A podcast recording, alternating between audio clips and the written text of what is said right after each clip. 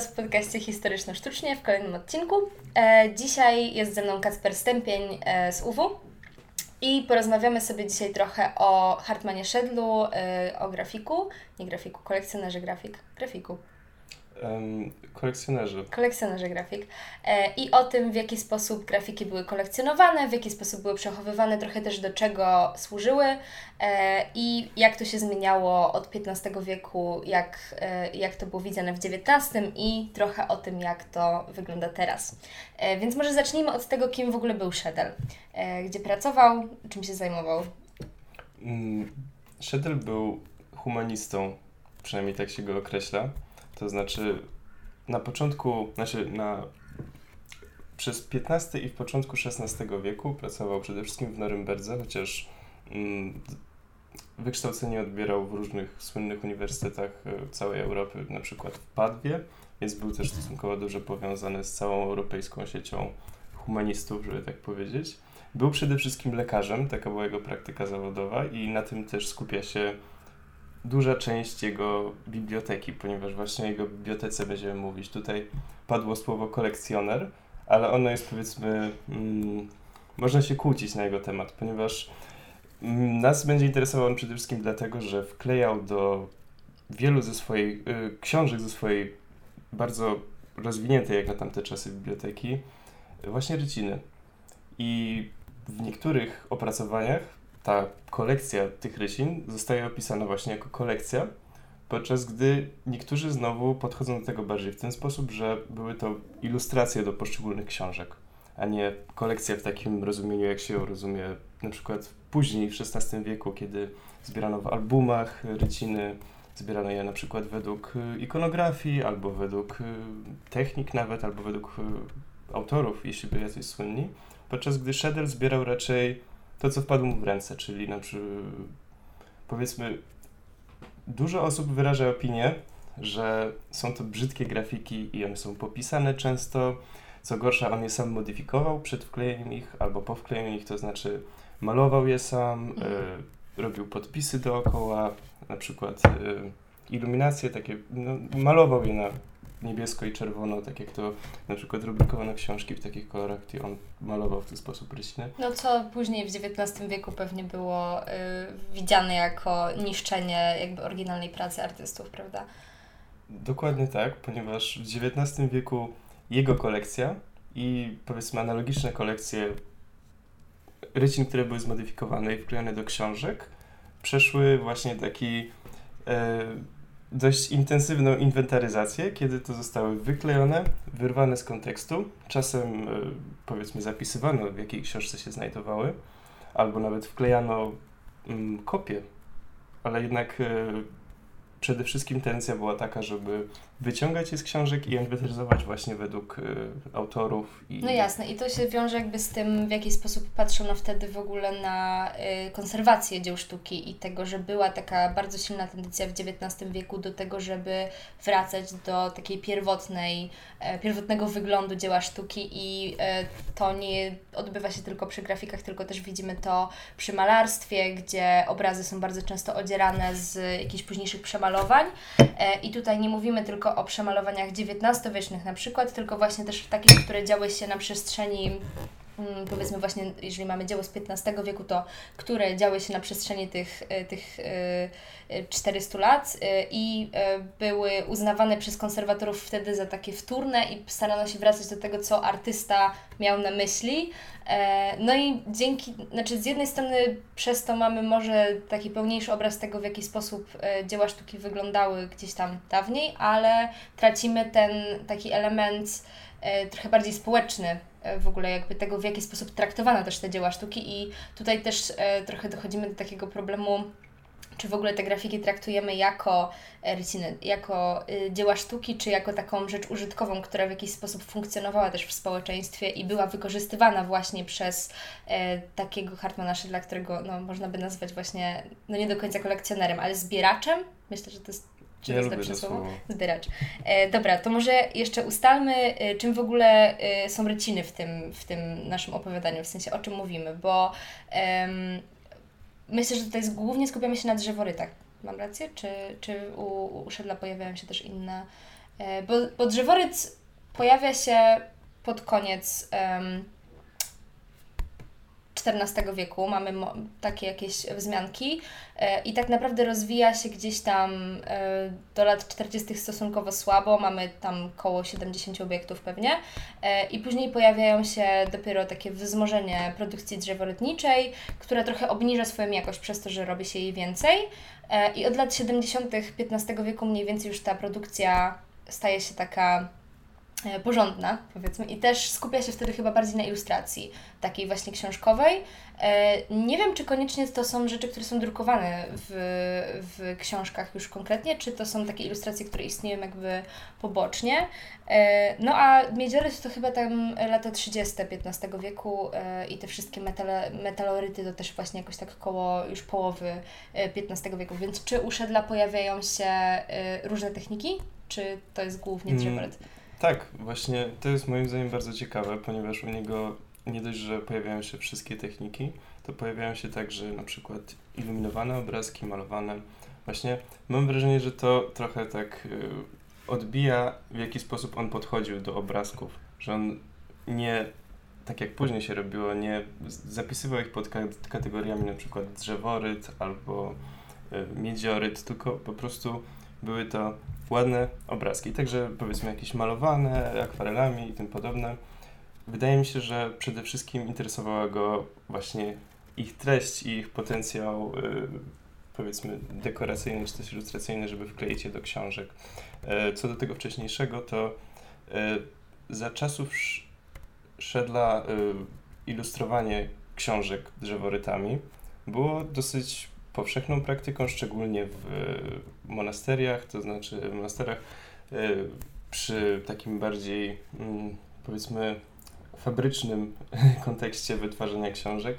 E, jeśli chodzi o ilustrowanie wklejanymi obrazkami e, książek, to nie jest zachowane wiele przykładów, przez oczywiście jeśli chodzi o laika, prywatną osobę, która może miała swoją bibliotekę, ale nie była to biblioteka klasztorna i tak dalej jest chyba jeden analogiczny przykład, e, albo przynajmniej taki stosunkowo dobrze zachowany. To właśnie jest Jacopo Rubberi z... Mieszkał w Wenecji w każdym razie i tam pracował przez większość czasu. E, u niego znajduję przeciw, przede wszystkim drzeworyty wklejane do mm, książek i także poddane podobnemu, chociaż nie, nie takiemu samemu procesowi y, takiej modyfikacji, tak żeby bardziej odpowiednio, przynajmniej tak twierdzi David Areford, który się bardziej tym zajmował i napisał takie właśnie bardziej mm, nie wiem, nowoczesne mm, prace na ten temat, gdzie próbował zrekonstruować oryginalny kontekst y, nie drzeworytów jako wyizolowanych y, dzieł, tylko właśnie kontekst użytku przez Ruberiego. Mhm, to ja tak tylko dorzucę teraz do wszystkich, którzy y, oglądają nas na YouTubie, że w opisie odcinka będzie podana bibliografia. Y, Oczywiście skrócona, no ale jeżeli ktoś chce sobie doczytać na ten temat albo Was to zaciekawi, to postaramy się coś tam wrzucić. E, też może linki do jakiejś fotografii dobrej jakości. Nie wiem, czy coś takiego funkcjonuje w internecie, jak chodzi o te zbiory Szedla, ale wydaje mi się, że może tak, że... Większość książek z Biblioteki Szedla jest e, w całości na e, Bayerische Staatsbibliothek. Okej, okay, dobra, to wrzucimy e, w, w opisie na pewno, żeby ktoś. tak, właśnie do tego tam. no dobra, to może o, trochę o tym, w jaki sposób te obiekty funkcjonowały, właśnie, czyli jak Szedel traktuje e, obrazki, jak to ładnie powiedziałeś, e, fajne słowo. E, czyli, bo też pojawiają się e, takie, moglibyśmy myśleć, że może obrazki e, takie świeckie będą się pojawiały raczej przy ilustracjach świeckich, że on nie będzie mieszał tego, ale to się nie dzieje. On wkleja e, ilustracje, które mają jakieś tam konotacje religijne do tekstów świeckich. A w ogóle jak jest z tym z taką relacją tekstu z tym obrazem? Czy to są takie ilustracje, które w jakiś sposób gdzieś tam odnoszą się do tego tekstu, przy którym funkcjonują, czy to jest bardziej takie urozmaicenie dla oka, powiedzmy? No, tutaj zdania są podzielone, ponieważ nie da się powiedzmy zaprzeczyć, że jest bardzo wiele obrazków, które mają nawiązanie do tekstu. Przede wszystkim są to, albo przynajmniej w dużej części są to portrety autorów, to znaczy na przykład jeśli święty Dionizy napisał książkę, to bardzo prawdopodobne, że będzie tam rysina albo obrazek przedstawiający świętego Dionizego. Są też wynajdowane takie bardziej skomplikowane y, powiązania pomiędzy tekstem i obrazkiem, na przykład i to też właśnie to pomieszanie porządków, o którym powiedziałaś, to znaczy często dzieła świeckie są ilustrowane teoretycznie właśnie religijnymi, religijnymi przedstawieniami. Y, tylko, że w pewnym sensie trochę zmieniony jest ich kontekst. Na przykład przed dziełem o ogrodnictwie jest wklejony y, rycina, na której Jezus ukazuje się Marii Magdalenie jako ogrodnik. Albo mm, na przykład, no nie wiem, czy to jest do końca świeckie dzieło, ale przed y, Marciliem Ficinem o nieśmiertelności dusz wklejony jest rycina Łazarza, jego wskrzeszenia bodajże, mhm. ponieważ opowieść o Łazarzu sugeruje, że on umarł i jego dusza poszła gdzieś tam i gdzieś tam się pałętała i potem wróciła, więc to w pewnym sensie ilustruje koncept nieśmiertelności dusz, który jest już w samym y, tytule tej książki. Mhm. Tak, to jest ciekawe, że jakby ym, zwracamy tutaj taką uwagę na to, że Trzedel wkleja to trochę dla siebie, w sensie, że to nie jest taka ilustracja, która jest tworzona E, właśnie fabrycznie wychodząca, prawda? To, to jakby, wiesz, wiesz może kto miał dostęp do tej biblioteki? Czy ona była jakby e, na jego użytek, czy, czy ktoś tam z niej korzystał? Nie wiem, może nie wiesz, tylko to takie um, pytanie. No, generalnie to była jego prywatna biblioteka, ale jeśli, bo tak jak powiedziałem, był on połączony z różnymi uczonymi w tamtym czasie, więc udostępniał też te zbiory, ale wydaje mi się, że można założyć, że on był pierwotnym, zamierzonym widzem. Mhm. E, no dobra, a to może powiemy teraz trochę jeszcze o tym, w jaki sposób ta, to podejście zmienia się później w XIX wieku i w jaki sposób e, kataloguje się wtedy te grafiki. No, tak jak powiedziałem, zostały wyrwane z kontekstu. Nie była przywiązana tak duża waga do ich oryginalnego użytku, nawet wręcz są bardzo negatywnie nacechowane opisy mm, różnych wczesnych rycin, które posiadają na sobie na przykład e, podpisy albo tym podobne rzeczy. To nie jest w ogóle katalogowane w wczesnych katalogach właśnie. E, jest e, tak jakby mm, osoba kategorująca nie zauważa ich. Po prostu opisuje cechy stylistyczne właśnie samego drzeworytu, troszeczkę ignorując, co zostało na nim dopisane. Co jeszcze? No właśnie bardzo powszechne jest takie E, negatywne nastawienie do ich wartości estetycznej. E, to znaczy sugeruje się na przykład, że one były dla prostego ludu albo mm, dla osób niewykształconych, szczególnie te wczesne drzeworyty, o których tam powiedziałaś, e, przedstawiające właśnie obrazki świętych i tak dalej. No i tutaj trzeba powiedzieć, że Przedel był jedną z najbardziej wykształconych osób, jakie można było wtedy znaleźć, a mimo to bardzo lubował się także w takich obrazkach, które dzisiaj może byśmy nazwali topornymi i też w kolorowaniu. Tak, ale chyba warto zaznaczyć też, że właśnie ta grafika nie była przeznaczona tylko właśnie dla takich osób bardzo wykształconych, że, że to jest ciekawe, że on zbiera też te takie grafiki, które są może my byśmy na to spojrzeli jako o gorszej, gorszych walorach jakichś takich artystycznych, ale rzeczywiście grafika jest takim pierwszym mm, momentem, ten XV wiek, kiedy um, takie ilustrowane rzeczy w ogóle są dostępne dla osób właśnie mniej zamożnych, mniej wykształconych i rzeczywiście staje się popularna. Na przykład popularne są y, wizerunki świętych y, małe, ale też karty y, do gry drukowane. Są też takie przekazy o takich drukowanych wizerunkach świętych, które miały taki charakter apotropaiczny, od, taki odstraszający złe demony albo, e, albo choroby jakieś, które należało połknąć. To, to też pamiętam z jakichś właśnie e, zajęć, że to było bardzo jakieś takie interesujące dla mnie, że, że ten druk e, rzeczywiście jest obecny nie tylko w tych wyższych sferach, co wydaje mi się, że może być nieoczywiste, w sensie, że, że można byłoby myśleć, że jednak e, skoro druk wiąże się jednak bardzo mocno z książkami, no to, że to jest taka rzecz, która jest przeznaczona dla tych e, bardziej zamożnych, e, ale to właśnie nie do końca prawda, ale ciekawe, że nawet ci bardziej zamożni i wykształceni interesują się tymi gorszymi, powiedzmy, w cudzysłowie, rycinami. Mm, I tak jak mówiłeś, on po nich pisze, on po nich maluje. Czy chcesz jeszcze powiedzieć coś dokładnie jakby o tych, y, o, ty, o tych dwóch czy trzech książkach, którymi się zajmujesz w swojej pracy? Czy tam jest coś jeszcze ciekawszego, co, co Shedel jakby robi z tymi rycinami, jakie składa? Generalnie się zajmuję taką stosunkowo mm, ciekawą ryciną, gdzie sklejone są ze sobą wycinki z bodajże dwóch albo trzech oddzielnych ka kalendarzy i stworzony został z nich tego swego rodzaju kolaż. Yy, to znaczy, to nie było częste postępowanie. Takich analogicznych przykładów tak naprawdę yy, nie ma bardzo wiele. Przez yy, Beatrice Hernet, czyli taką osobę, która wydała katalog właśnie tych wklejanych przez Szedla mm, rycin, są one często opisywane jako Zierseiten, czyli strony ozdobne po prostu.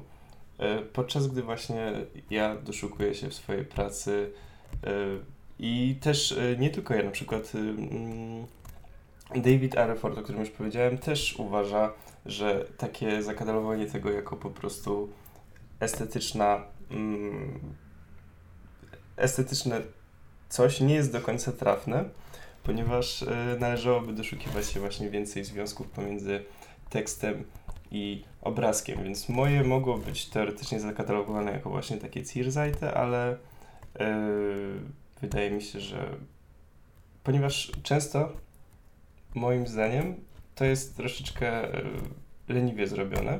To znaczy, na przykład e, w swojej pracy opisałem stronę, która jest cała zrobiona z takich anielskich chórów, takich powtarzalnych motywów floralnych i właśnie takich anielskich. I na górze jest podpis napisany przez samego Szedla e, niebieski koncert. I to jest opisane jako Zierseite. I mi się wydaje, że hmm, przecież tu są aniołki, które muzykują i jest podpis niebiański czy tam niebieski koncert, powinno się raczej to y, odnieść, spróbować do tekstu.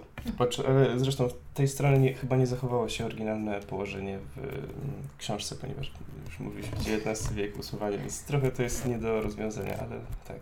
Mm, tak, a jeszcze o tych kalendarzach, jakbyś coś więcej powiedział, bo to są y, zestawione ze sobą właśnie strony w taki powiedzmy kolażowy sposób, y, ale właśnie y, takich obiektów, które były y, użytkowe, były kalendarzami, ale już były zdeewaluowane przez to, że już ten czas jakby, kiedy mogły się przydawać minął, prawda? Tak, one były mm.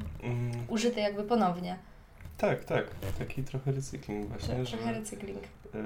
Y, różne, bo ponieważ tak jak mówiłaś, że ryciny były też bardzo mm, i drzeworyty przede wszystkim rozpowszechnione. To one nie tylko właśnie były powiązane z książkami, ale też na przykład bardzo dużo z nich wisiało na ścianach, ale w ten sposób na przykład się nie zachowały, ponieważ są najczęściej wydrukowane na papierze, więc ciężko jest przywrócić oryginalny kontekst, ale są na przykład ciekawe zachowane drzeworyty w, jako powiedzmy ozdoba dna pudełka, mhm. albo tak jak mówiłaś, karty do gry, albo nawet plansze do gry.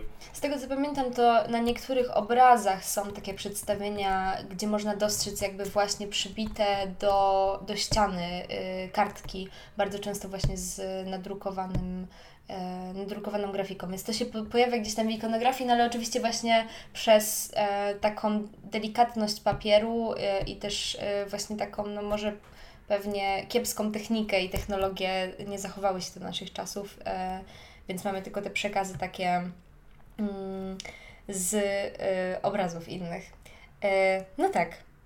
No nie wiem, czy coś nam jeszcze zostało. Tak ewentualnie zastanawiam się nad rolą ilustracji we wczesnym druku, czy, czy coś o tym chciałbyś jeszcze powiedzieć, czy... No bo mm. wydaje mi się, że ona nie jest jakby um, na początku chyba, chyba zaczyna się od tego, że jest związana stosunkowo mocno z tekstem, a później jakby te ilustracje zaczynają też funkcjonować trochę osobno od tego tekstu. Um, chodzi o drzeworyty, w sensie... Mhm. Um, no to generalnie najwcześniejsze zachowane drzeworyty to są raczej na pojedynczych kartkach, właśnie jako takie, nie wiem, portrety świętych, y, takie rzeczy, które można sobą nosić, zawiesić gdzieś i tak dalej. No i y, od razu zostały też wykorzystane jako, szczególnie właśnie w tych monasteryjnych środowiskach, co powiedziałem, jako właśnie y, troszeczkę tańszy i wygodniejszy sposób ilustrowania manuskryptu. Jeśli chodzi o mm, powiedzmy druk, który nie byłby wklejany do książek, tylko od razu drukowany na stronie, to, y, to dopiero w drugiej połowie XV wieku się rozwinęło. Wydaje mi się, że najwcześniejsza ilustrowana książka, y, właśnie ilustrowana drzeworytem oczywiście, mhm. książka drukowana, to będzie y, chyba 1463 rok albo coś A pamiętasz, czy, czy tam już jest drukowany tekst? Mm, tak, właśnie, to jest pierwsza drukowana książka, mhm, która, ponieważ pierwsze drukowane książki były raczej